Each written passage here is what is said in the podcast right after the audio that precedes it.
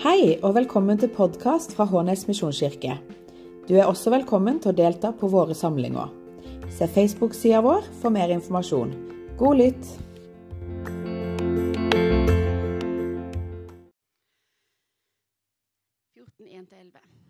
Veien, sannheten og livet.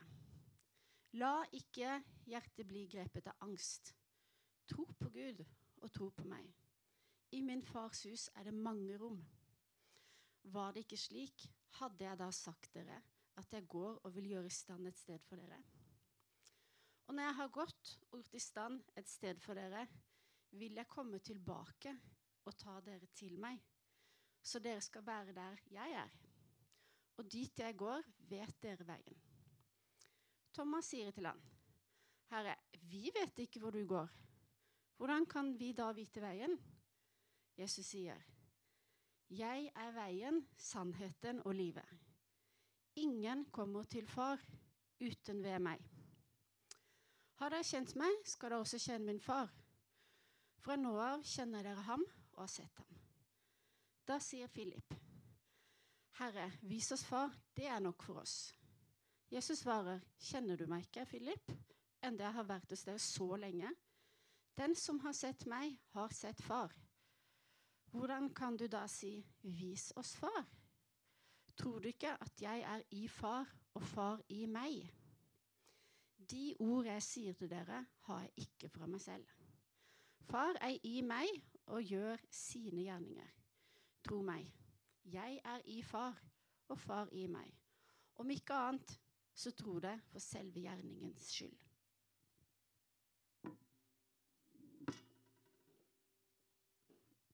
Um, Nina leste teksten Johannes 14, 1-11. Og eh, Bare for å orientere oss litt sånn i, eh, i Jesus-fortellingen, hvor er vi nå? Um, for teksten begynner med at Jesus sier eh, Vær ikke, eller La ikke hjertet bli grepet av angst. Men det er på ingen måte begynnelsen på samtalen her. Um, vi er fremdeles litt i påskemodus, for vi er på skjærtorsdag. Eh, vi er inne i et hus som Jesus og disiplene har lånt. Eh, Jesus har vaska disiplene, disiplenes føtter. De har spist sammen, feira første nattverden. Eh, Judas han har reist, han har gått for å, for å, gjøre sitt for å hente disse som skal ta Jesus til fange. Og etter at Judas går, så begynner en samtale mellom Peter og Jesus. Så De begynner å snakke sammen. Og Jesus begynner å snakke om liksom at 'jeg skal gå', altså i betydningen 'jeg kommer til å dø'. Og Peter sier, 'Jeg vil bli med. liksom. Jeg vil gi livet mitt for deg.' Og Jesus kommer denne kjente eh, liksom konfrontasjonen til Peter om at eh, før hanen galer i morgen tidlig, så kommer du til å ha fornekta meg tre ganger. Og så begynner vår tekst, der Jesus sier, 'La ikke hjertet bli grepet av angst'. Og Det sier han, det er ikke noe sånn instavennlig quote eh, derfor han sier det, liksom, men, men, det er fordi at han nettopp har sagt at han kommer til å dø. Jeg skal dra fra dere, jeg skal dø, men la ikke hjertet være grepet av angst. Så der vi er i bibelfortellinga, på skjærtorsdag, Jesus prøver å si noe om det som kommer, og hva det betyr. Og Johannes, disippelen som skriver dette her, da, og som gjenforteller denne samtalen, han skriver ingen lærebok. Det er iallfall ikke en sånn lærebok som, som, vi er kjent med. Det er ikke en sånn punktvis oppramsing av 'dette kommer til å skje', 'dette er det det betyr', og her har du noen refleksjonsspørsmål til slutt. liksom. Um, så, så, det er en tekst hvor på en måte, temaene snirkler i hverandre og fortsetter rundt og forbi. Men han har iallfall to spor i denne teksten her. To liksom temaer, to ideer som han følger i denne teksten som, som Nina leste i stad. Og det ene sporet er 'Hvor skal Jesus?' Og Disiplene skjønner ikke helt hvor dette er. De skjønner ikke hvordan de skal komme seg dit, for de vil også dit. Og så skjønner de ikke helt om det er et sted eller ikke. Er det liksom et fysisk sted han skal reise til, eller er det ikke det? Og hvordan kommer vi oss dit? Og det andre sporet det er hvem er Jesus? Og disse disiplene her, På denne tiden så er det de disiplene som kjenner Jesus best av alle. Det er ingen som har tilbrakt så mye tid de siste årene som disse disiplene. Og de fremdeles har noen problemer og utfordringer med å forstå hvem Jesus er. Og jeg tror ikke at vi er så veldig ulike alltid der heller. Men Jesus sier noe om hvem han er, og disiplene catcher liksom ikke helt at Jesus er Gud, og Gud er Jesus. Hvis du kjenner den ene, så kjenner du den andre. Og hvis du vil vite hvordan Gud er, ja, men da må du jo se på Jesus og bli kjent med han. Ikke spørre om liksom, ok, Jesus, du er kul, men kan du vise oss hvem, Jesus, hvem, hvem Gud er, hvem far er? Så det er disse to sporene. Hvor skal Jesus, og hvem er Jesus? Så det vi skal gjøre, det er at vi skal fokusere mest på det første, så hvor han skal. og Så skal vi touche innom det andre, og så skal vi avslutte med hva dette her betyr for vår, eller våre hverdager. Så hvor skal Jesus? Han sier, 'I min fars hus' Eller i mitt fars Ja. Mm, I min fars hus er det mange rom. Og så sier han at han skal gjøre i stand et sted for dere. Jeg skal gjøre i stand et sted for dere. Og der skal dere være, eller dere skal være der jeg er. Det skal gjøres i et sted for dere. altså senere, i betydningen etter oppstandelsen, da skal dere være der jeg er. Og Teologer som kan dette mye mye, mye, mye, mye, bedre enn meg, de, de, er litt uenige om akkurat hva dette her betyr. Og Det betyr ikke at det liksom er ett riktig svar og masse feil svar, og så vet jeg ikke helt hva som er hva. Men det betyr bare at det er flere ulike måter å forstå dette på, som er liksom konsekvent med resten av Jesus' sin undervisning, resten av Bibelen, samtidskulturen, jødisk tradisjon osv. Så, videre. så jeg har uh, lent meg litt på en kar som heter Craig Keener. Han er en amerikansk uh, teolog. Så hvis jeg tenker at Alex, nå er du litt på ville veier, skyld på han. Craig Keener. Send han en mail. Han lever fremdeles, tror jeg. Um, og um, han Eh, Craig Keener han skriver at 'min fars hus' Når Jesus sier 'min fars hus har mange rom', så sikter han eller så henspiller han på tempelet.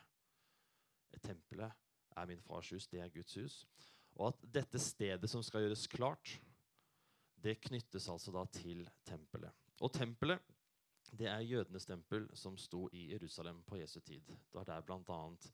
Etter at han kommer inn i Jerusalem på palmesøndag, så jager han ut liksom kjøpmenn og de som er på plassen der. Det er det tempelet det er snakk om. Og tempelet, eller tempel som symbol, har lang, lang, lang historie. Og det er en av disse liksom, røde trådene som går gjennom hele bibelhistorien.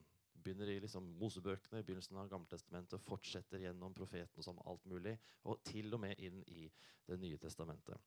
For da, da israelsfolket ble utfridd fra slaveriet i Egypt, altså når de flykta fra farao gjennom Rødehavet, som delte seg to, ut i ørkenen, så fikk Moses i ørkenen beskjed av Gud om å bygge et tabernakel, eller telthelligdommen, som de kalte det. Og det var et uh, telt, sannsynligvis, um, som de flytta med seg, bar med seg rundt omkring i, i ørkenen. Og dette tempelet det, skulle, det var, symboliserte Guds nærvær blant folket. Altså, Gud var til stede på jorden, på et fysisk sted, og det stedet, det var denne telthelligdommen. Inni det teltet der, der bodde Gud. Akkurat som at det, liksom, det var der jord og himmel møttes. Det var overlapp liksom, mellom himmel og jord i denne telthelligdommen. Og fordi det var der Gud var, så var det også der Moses bl.a. fikk en del av disse åpenbaringene som han delte videre til israelsfolket. Og inne i liksom det innerste rommet i telthelligdommen der sto paktkisten, og oppi der så lå disse steintavlene som, med loven som Moses hadde mottatt, som var liksom tegnet, det ultimate tegnet på Guds nærvær. Og denne, Dette teltet det pakka de sammen og slo opp pakka sammen, slo opp gjennom ørkenen. De, pakka, de hadde med seg når de inntok Israel, altså inntok det lovede landet. Så vi er nå liksom ute i, ute i Josva, dommernes bok. Um, og hvis vi spoler fram til, eh, fram til eh, Samuelsbøkene, så har vi kommet til kong David. Og kong David de har nå inntatt landet, de har etablert seg, de har liksom kommet hjem til det lovede land som Gud hadde lovet dem. Og nå vil David, kong David bygge et tempel som er liksom et permanent telthelligdom. Et permanent sted der Gud kan bo, midt i landet, midt blant folket. For nå har vi kommet hjem. Vi er ikke flyktninger, vi er ikke på vandringer. Vi har kommet fram. Og dette tempelet skal være liksom sentrum for oss som nasjon, sentrum for oss som, eh, som folk. Og det endte med at, uh, at David han fikk ikke bygd det. Um, men sønnen hans, kong Salomo, bygde dette tempelet. Det kalles ofte for Salomos tempel, eller det første tempelet. Og i dette tempelet så hadde de en sånn svær sånn forgård som hadde, som hadde gjerde rundt. Og inn her så fikk hedninger, altså ikke-jøder, fikk lov til å komme liksom i den ytterste biten. Fikk liksom smake på litt av Guds nærvær. Og så fikk liksom vanlige jøder, jøder fikk lov til å komme inn i, i resten av forgården. Og så hadde du liksom selve tempelbygningen, som var et stort rom, som het Det hellige. Der var det bare prestene som fikk lov til å komme. De hadde sin tjeneste der. Da var det liksom røkelse og ritualer og sånne ting. Og så helt innerst var det et bitte lite rom som heter Det aller helligste. Der sto denne paktisten, paktisten og der, der bodde Gud, liksom. Der var Guds nærvær. Og inn i det aller helligste der var det bare én person som fikk komme. Det var øverstepresten. Og han fikk bare lov til å komme inn én gang i året, på Jom Kippur, som er jødenes liksom, største høytid, som er soningsdagen. Og Da skulle øverstepresten inn i det aller helligste, inn til Gud. Og så skulle han sone for folkets synder. Og fordi han var den eneste som fikk lov til å komme inn, så hadde han en sånn tau eller sånn bånd knytta rundt beinet. Fordi at I jødisk tradisjon så var Guds nærvær, altså det å møte Gud, se Gud, det var så overveldende at du rett og slett kunne dø av det. Så i tilfelle han overstepresten døde i møte med Gud, så var det ingen andre som hadde lov til å gå inn og hente han. Men da hadde de dette båndet, dette tauet, som de kunne liksom trekke han ut med da, hvis det ikke skulle gå veien. Um, så det var liksom tempelet. Tempelet som ble bygd av kong Salomo. Og dette tempelet, det ble ødelagt. Uh, Israel ble invadert av babylonerne. Kong Nebukadnessar 2. kom invaderte. Raserte tempelet, tok hele israelsfolket til fange, førte dem tilbake til Babylon. Hvis du leser noen av profetene i Gammeltestamentet, for eksempel, så har Babylon veldig sånn negative assosiasjoner til Babylon. Og Det er fordi at det var liksom det stygge landet som kom og ødela Guds bolig iblant oss. Um, senere så ble jo Babylon invadert av noen persere, og jødene ført tilbake til Israel. og De fikk bygd opp tempelet på nytt. Andre tempelet, og dette tempelet som står da, eller sto i Jerusalem på, på Jesu tid. Og Begge disse ødeleggelsene var fryktelig traumatiske hendelser. Var ikke bare det at det var et bygg eller et signalbygg eller et viktig bygg som ble ødelagt. Altså Hvis Ansgar-skolen har blitt ødelagt, så hadde det vært traumatisk. selvfølgelig. Men dette her grep liksom inn i identiteten til israelsfolket. For nå var Guds bolig ødelagt. Og hvor skal da Gud bo? Og det er jo ikke blant oss lenger. For han har jo ikke noe sted å bo her. Og hvis han ikke bor med oss, hvordan skal det da gå med oss? For det går jo bare bra med oss hvis han er med oss. Og Det er som hele Gamletestad vitner om at de gangene de holder seg nær til Gud, så går det bra. Og de gangene de fjerner seg fra han eller fjerner Gud, så går det dårlig. Så, hvordan, så det var en dypt traumatiske hendelser, begge disse to ødeleggelsene. Ja, Det andre tempelet ble ødelagt rett etter at Jesus ble, eller ja, noen få tiår etter at Jesus sto opp. Um, noen, Har noen som har vært i et jødisk bryllup før? Nei, jeg bare, jeg har ikke vært der. Jeg har bare sett det på film. Men, eh, men eh, de gjør dette på ekte òg. og der, eh, Kanskje dere har sett det òg, men at de som, som en, en, del av vielsen um, så pakker de inn et uh, vinglass eller en lyspære, et eller annet i glass, i en sånn en, um, om det er et tørkle av noe slag, og så knuser de det. Tråkker på det. knuser det. Og det er et tegn eller symbol på at, liksom, at vi minnes at tempelet har blitt ødelagt. Altså Selv nå liksom, har man fremdeles en markering at vi sørger over at tempelet er ødelagt, at Guds bolig er ikke her lenger. Og Det er dette tempelet da, som Jesus sikter til når han snakker om min fars hus. Dette stedet som jeg skal gjøre klart for dere. Det er Guds hus med Guds nærvær. Det skal jeg gjøre klart for dere. Og eh, Tidligere i Johannes evangeliet så sier Jesus til noen skriftlærere at jeg skal, jeg skal rive ned tempelet, og så skal jeg bygge det opp igjen på tre dager. Og eh, det, altså Ved hans døde oppstandelse så skal tempelet rives ned og så skal det bygges opp igjen på tre, på tre dager. Og som, Veldig ofte med Jesus så, så er det ikke sånn billed, altså han snakker billedlig. Det er ikke, det er ikke konkret. Altså Hvis du reiser til Jerusalem nå, så det er ikke noe tempel som står der. Det er noen ruiner etter det gamle tempelet. Og det nye tempelet som, som Jesus skal bygge opp igjen, det, det, er todelt. For det er deg og meg. Det er oss. Vi, min kropp, din kropp, som kristen er det nye tempelet. Kroppene våre er et tempel for Den hellige ånd, skriver Paulus. Eller kroppen deres er, en, er et tempel for Den hellige ånd. Og vi er en kropp. Jeg har en kollega som heter Erik Andreassen. Han har nettopp skrevet en bok som heter eh, Kropp. Um, som jeg ikke har lest sjøl, innrømmer det med en gang, men hørt veldig veldig mye bra om den. Han er en skamløs promotør av eget materiale. Så Facebook er fullt av eh, promo for boken 'Kropp' og seminarer om kropp. Men en av tingene som, som, eh, som altså i en på det jødiske og kristne forståelse av kropp, er at jeg, Alexander, jeg har ikke en kropp, men jeg er en kropp. Altså Kroppen er en del av hvem jeg er. Det er ikke sånn at Alexander er Altså, jeg er noe som er gjemt liksom inni denne kroppen. Skjønner du hva jeg mener? Og så at Hånda mi for eksempel, er en del av hvem jeg er, ikke bare noe jeg har. Personligheten min, følelsene mine, tankene mine er en del av hvem jeg er. Og det er beina mine, tarmene mine, alt sammen er en del av hvem jeg er. Jeg, jeg er en kropp. Og denne kroppen er et tempel for Gud.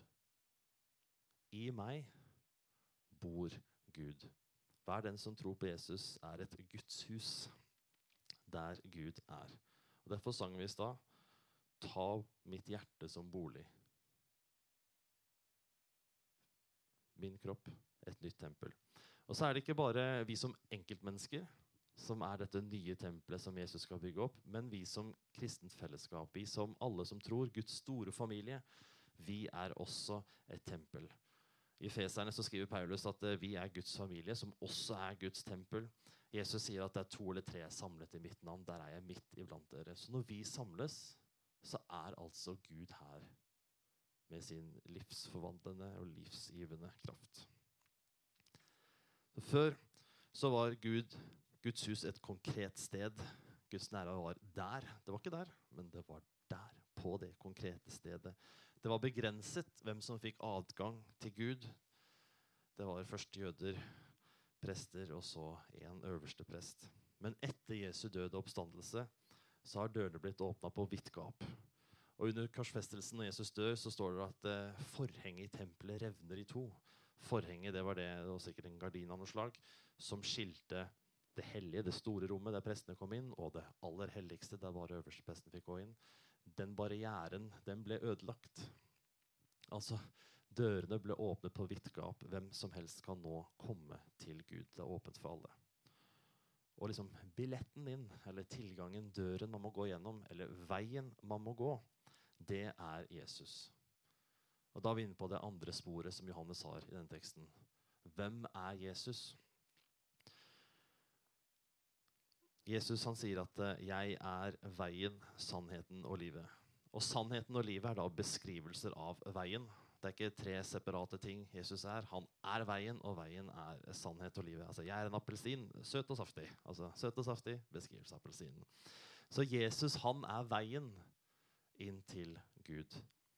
Fordi han er Gud.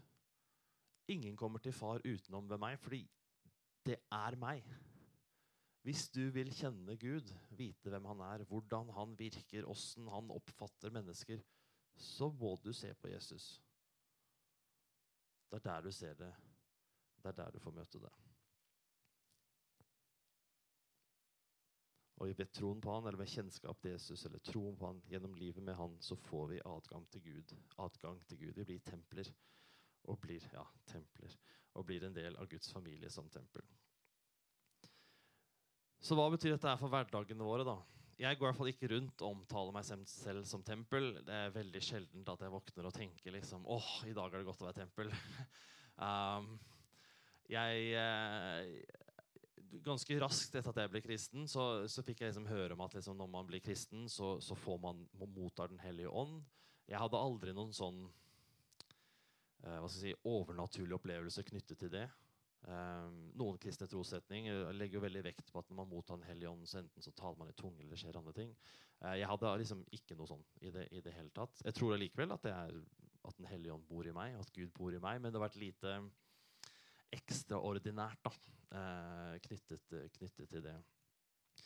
Men um, når du er på jobb, eller hjemme, eller på tvinsleir, eller på danmarkstur, så er du en bærer av Gud.